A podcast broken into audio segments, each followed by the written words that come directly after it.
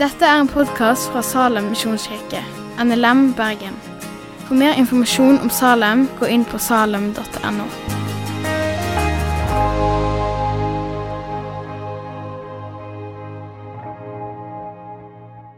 Vers 15, Vi tar med et vers før selve teksten begynner. Da sa en av dem som satt til bords sammen med han og hørte dette, sa han, salig er den som får sitte til bords i Guds rike. Da sa han, det var en mann som gjorde et stort gjestebud og innbød mange. Da tiden for gjestebudet var inne, sendte han sin tjener for å si til de innbudte, kom, for nå er det ferdig. Men alle som en begynte å unnskylde seg. Den første sa til ham, Jeg har kjøpt en åker og må gå og se på den. Jeg ber deg, ha meg unnskyldt. En annen sa, Jeg har kjøpt fem par okser og går for å prøve dem. Jeg ber deg, ha meg unnskyldt. Og en tredje sa, Jeg har tatt meg en hustru, derfor kan jeg ikke komme. Da tjeneren kom tilbake, fortalte han sin herre dette. Da ble husbonden harm og sa til tjeneren.: Gå i hast ut på byens gater og streder og før hit inn de fattige og vannføre og blinde og lamme. Og tjeneren sa, Herre, det er gjort som du bød, og det er ennå rom. Da sa Herren til tjeneren, gå ut på veiene og ved gjerdene og nød folk til å komme inn, så mitt hus kan bli fullt. For jeg sier dere, ingen av de menn som var innbudt, skal smake mitt festmåltid. Dette er egentlig en vanskelig tekst. Ikke pga. at det er så veldig vanskelig å forstå den, men eh, det er en veldig nærgående tekst. For eh, han handler om hjerteforholdet vårt til Jesus. Det var det ene. Og det andre som gjør den vanskelig, det er at han setter oss på valg. Vi må velge. Skal vi si ja til invitasjonen, eller skal vi ikke? Jeg har lyst til å ta med et par tekster som går på bakgrunnen for, eh, for denne, denne lignelsen her.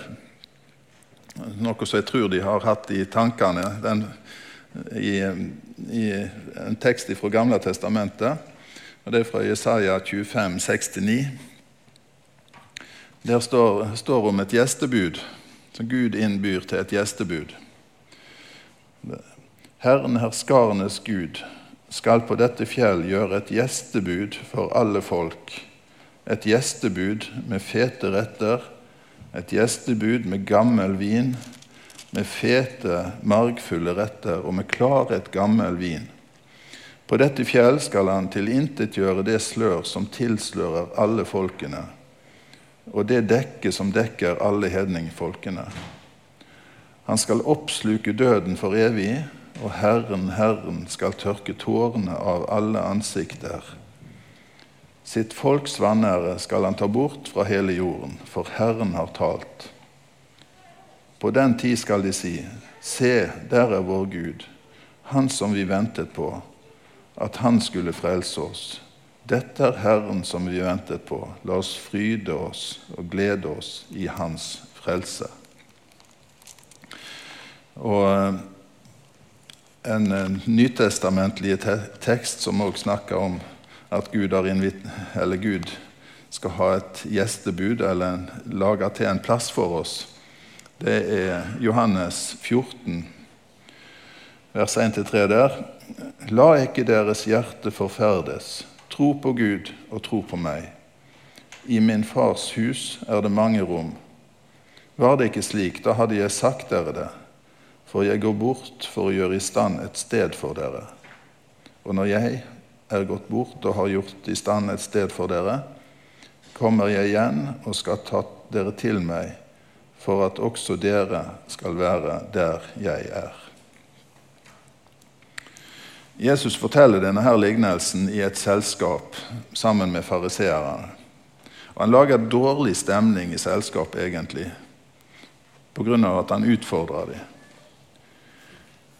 De som var sikre på at forholdet deres til Gud var i orden, de får vite at de er av de som har takka nei til Guds invitasjon til gjestebud. Nå er det sånn at eh, Lignelser kan godt ha flere bunner. De kan snakke om flere ting samtidig. Og tenke at Denne lignelsen den er først og fremst sagt til fariseerne, til jødefolket. De var nok de først innbudte. De var de som hadde fått løftene som var gitt til Abraham. De var av Abrahams ett. Og israelsfolket er fortsatt Guds spesielle, utvalgte folk i den nye pakt òg. Hvis vi leser Romerbrevet 9-11, så ser vi det tydelig. og Leser vi Johannes' åpenbaring, så ser vi òg at israelsfolket i de profetiene om ting som skal skje etter hvert, da, de får en spesiell behandling. Men de sa nei til invitasjonen. Og så gikk invitasjonen videre. Og etter hvert, etter 1000 år, så kom han opp her til oss, her nord. Hos jødene så var skikken sånn at de ofte sendte ut en invitasjon i lang tid i forveien, før de skulle ha gjestebud. Og De som da takka ja, de fikk en ny invitasjon rett før gjestebudet skulle være. Da kom det invitasjon. 'Kom, for nå er alt ferdig.' Da var alt gjort i stand. Og Det var da unnskyldningene kom. Disse som sannsynligvis hadde sagt ja til den første invitasjonen. Det hadde skjedd noe i mellomtida som gjorde at de takka nei. Som viste at han som inviterte, ikke betydde så mye for dem. Hva var den egentlige grunnen til at de ikke kom til festen?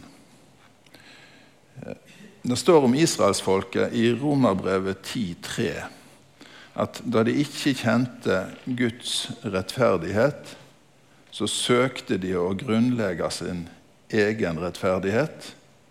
Derfor gav de seg ikke inn under Guds rettferdighet. Guds lov krever fullkommenhet. Når Jesus utfordra fariseerne, som var israelsfolket sine religiøse ledere, med å si at det er ikke bare gjerningene, men òg hjertet som må være rent. Fariseerne la stor vekt på å leve et fint liv. Men de krevde ikke fullkommenhet, bare viljen var god. Da fikk de ikke behov for den rettferdigheten som Gud gir.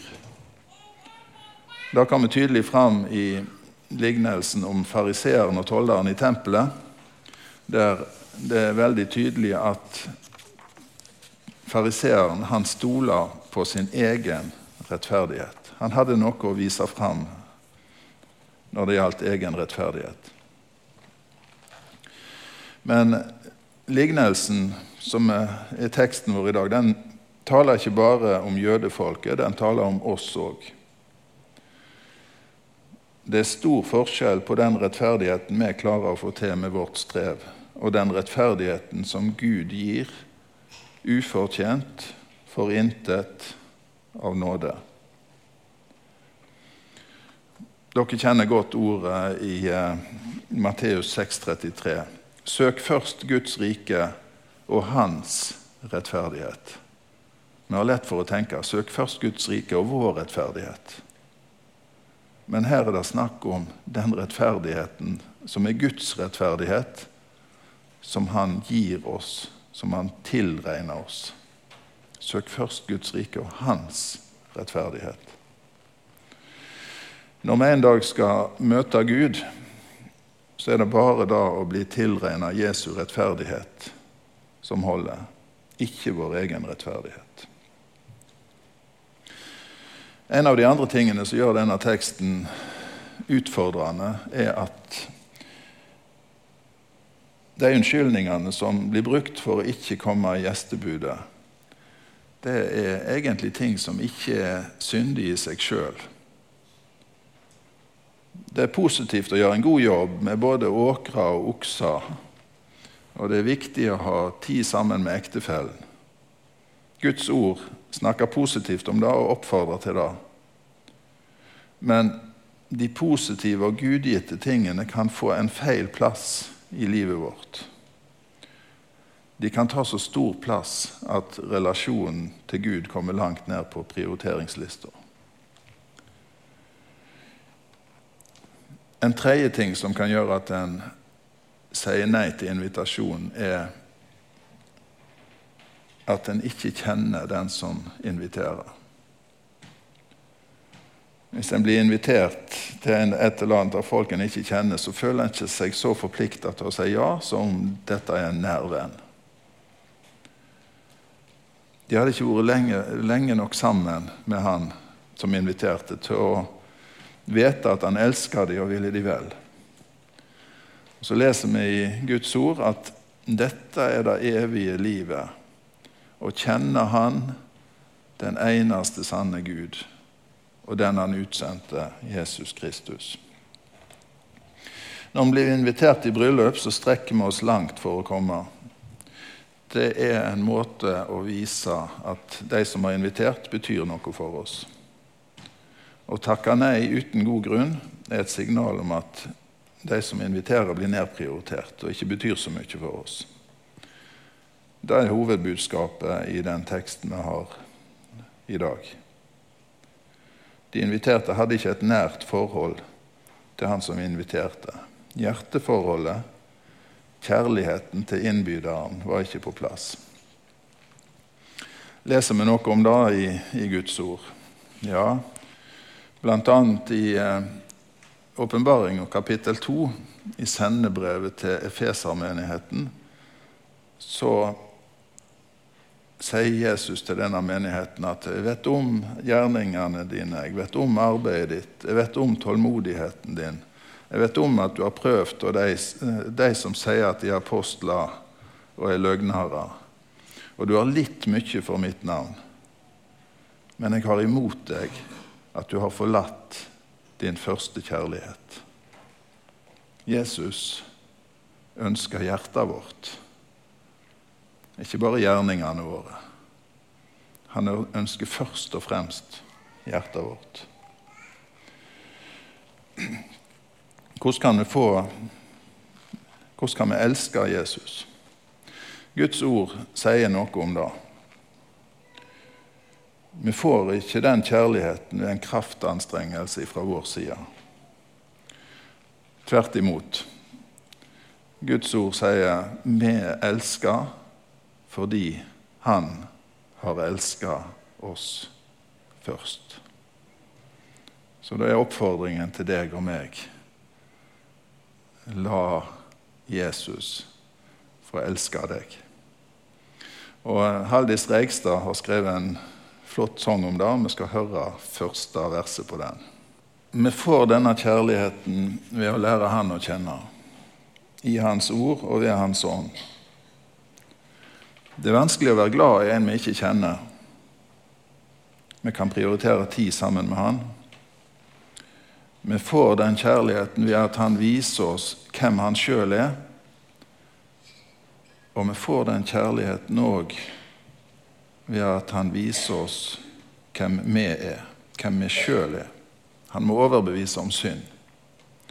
Først da ser vi hans frelser.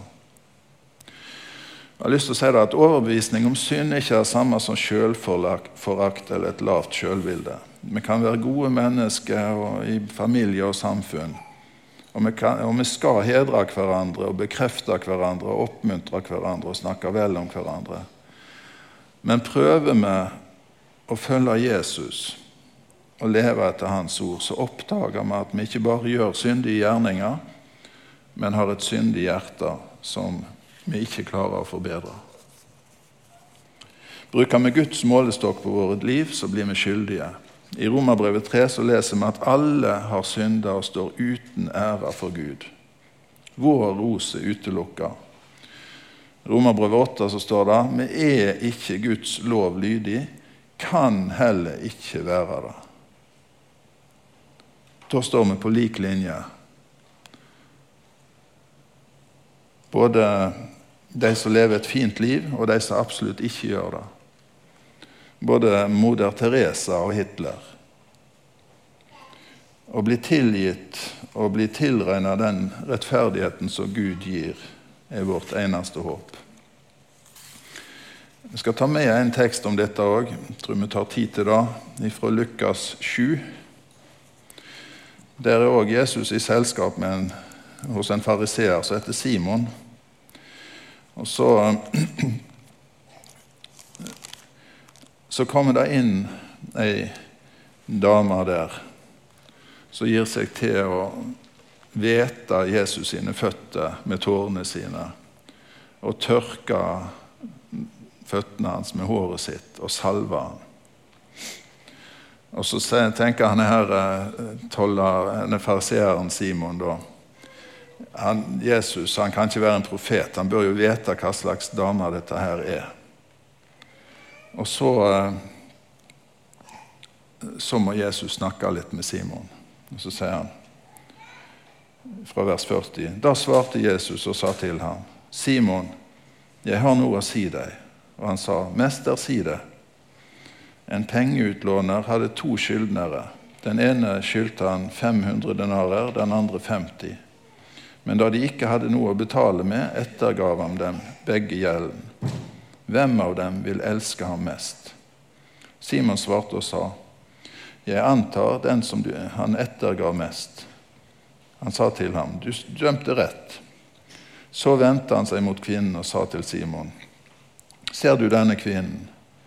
Jeg kom inn i ditt hus, og du ga meg ikke vann til føttene. Men hun vette mine føtter med tårer og tørket dem med sitt hår. Du ga meg ikke noe kyss, men hun har ikke holdt opp med å kysse mine føtter fra den stund jeg kom inn. Du salvet ikke mitt hode med olje, men hun salvet mine føtter med salve. Derfor sier jeg deg, hennes mange synder er henne forlatt. Derfor elsker hun meget. Men den som er lite tilgitt, elsker lite. Det var en tid i mitt kristenliv jeg trodde at jeg nok hadde tilgivelse for mine syndige gjerninger. For jeg las i, i, i 1. Johannes brev 1,9.: Dersom vi bekjenner syndene våre, så er han trufast og rettferdig og tilgir oss syndene og renser oss ifra all urettferdighet. Men så kjente jeg mer og mer på hva med mitt vonde hjerte, der de syndige gjerningene hadde sitt utspring. Og da ble jeg større smerte enn da jeg gjorde. Jeg tror Luther òg kjente på noe av det samme. Han sa 'Å, hjertet mitt', når han så på seg sjøl. Det var stort å se at Jesus døde for mine syndige gjerninger, men så fikk jeg se at han døde for meg. Da var jeg med. I 2. Korinterbrev 5 så står det at én er død for alle. Derfor er de alle døde. Ja, da var sannelig jeg med når Jesus døde òg. Ikke bare gjerningene, selv om bare blir et helt feil ord i den sammenhengen. Da fikk jeg se at Jesus er min stedfortreder. Og så står det i 2. Korinterbrev 5,21.: Han ble gjort til synd for oss, for at vi skal være rettferdige for Gud i Han. Jesus fikk min synd, og, han, og jeg fikk hans rettferdighet. Jesus og jeg bytta plass. Det er det salige byttet. Denne lignelsen som vi har som tekst, den utfordrer til å velge. Til å si ja eller nei til Guds invitasjon. Det er to invitasjoner i lignelsen, har vi nevnt. Det er ikke nok å svare ja første gang. I denne lignelsen hadde de nok de innbudte svart ja første gang. Men så skjedde det noe på veien som gjorde at de trakk seg når andre invitasjon kom. Vi må velge å følge Han ikke bare én gang, men hver dag. Før så snakket de om daglig omvendelse. Det er da dette gjelder. Det betyr òg at det er noe som må velges bort. Å se på jordstykket som var kjøpt og pløye med oksene. Det måtte utsettes. Å være alene sammen med kona på det aktuelle tidspunktet det må òg nedprioriteres. Han kunne sikkert tatt henne med i gjestebudet. Og så en ting til. I denne lignelsen så kommer det et svar på invitasjonen. Vi kan ikke komme av den og den grunnen. Og det var uhøflig. Men det er én ting som er enda mer uhøflig, og det er å ikke svare på invitasjonen. Ikke, ikke prioritere den som er invitert så høyt at en en gang sender et svar. Å ikke velge, det er egentlig å velge bort. Der står valget for mange i dag òg. Så helt til slutt. Det er to flotte setninger. Alt er ferdig. Vi hører gjenlyden av Jesus sine ord på korset. Det er fullbrakt. Han har tilveiebrakt alt for vår, vår frelse. Og så en setning til. Det er ennå rom. Døra står fortsatt åpen. Det avgjørende er at vi blir med i gjestebudet. Takk for at du har hørt på podkasten fra Salem, Bergen. I Salem vil vi vinne, bevare, utruste og sende. Til Guds ære.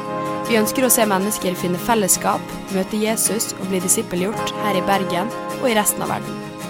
Vil du vite mer om oss, gå inn på salem.no.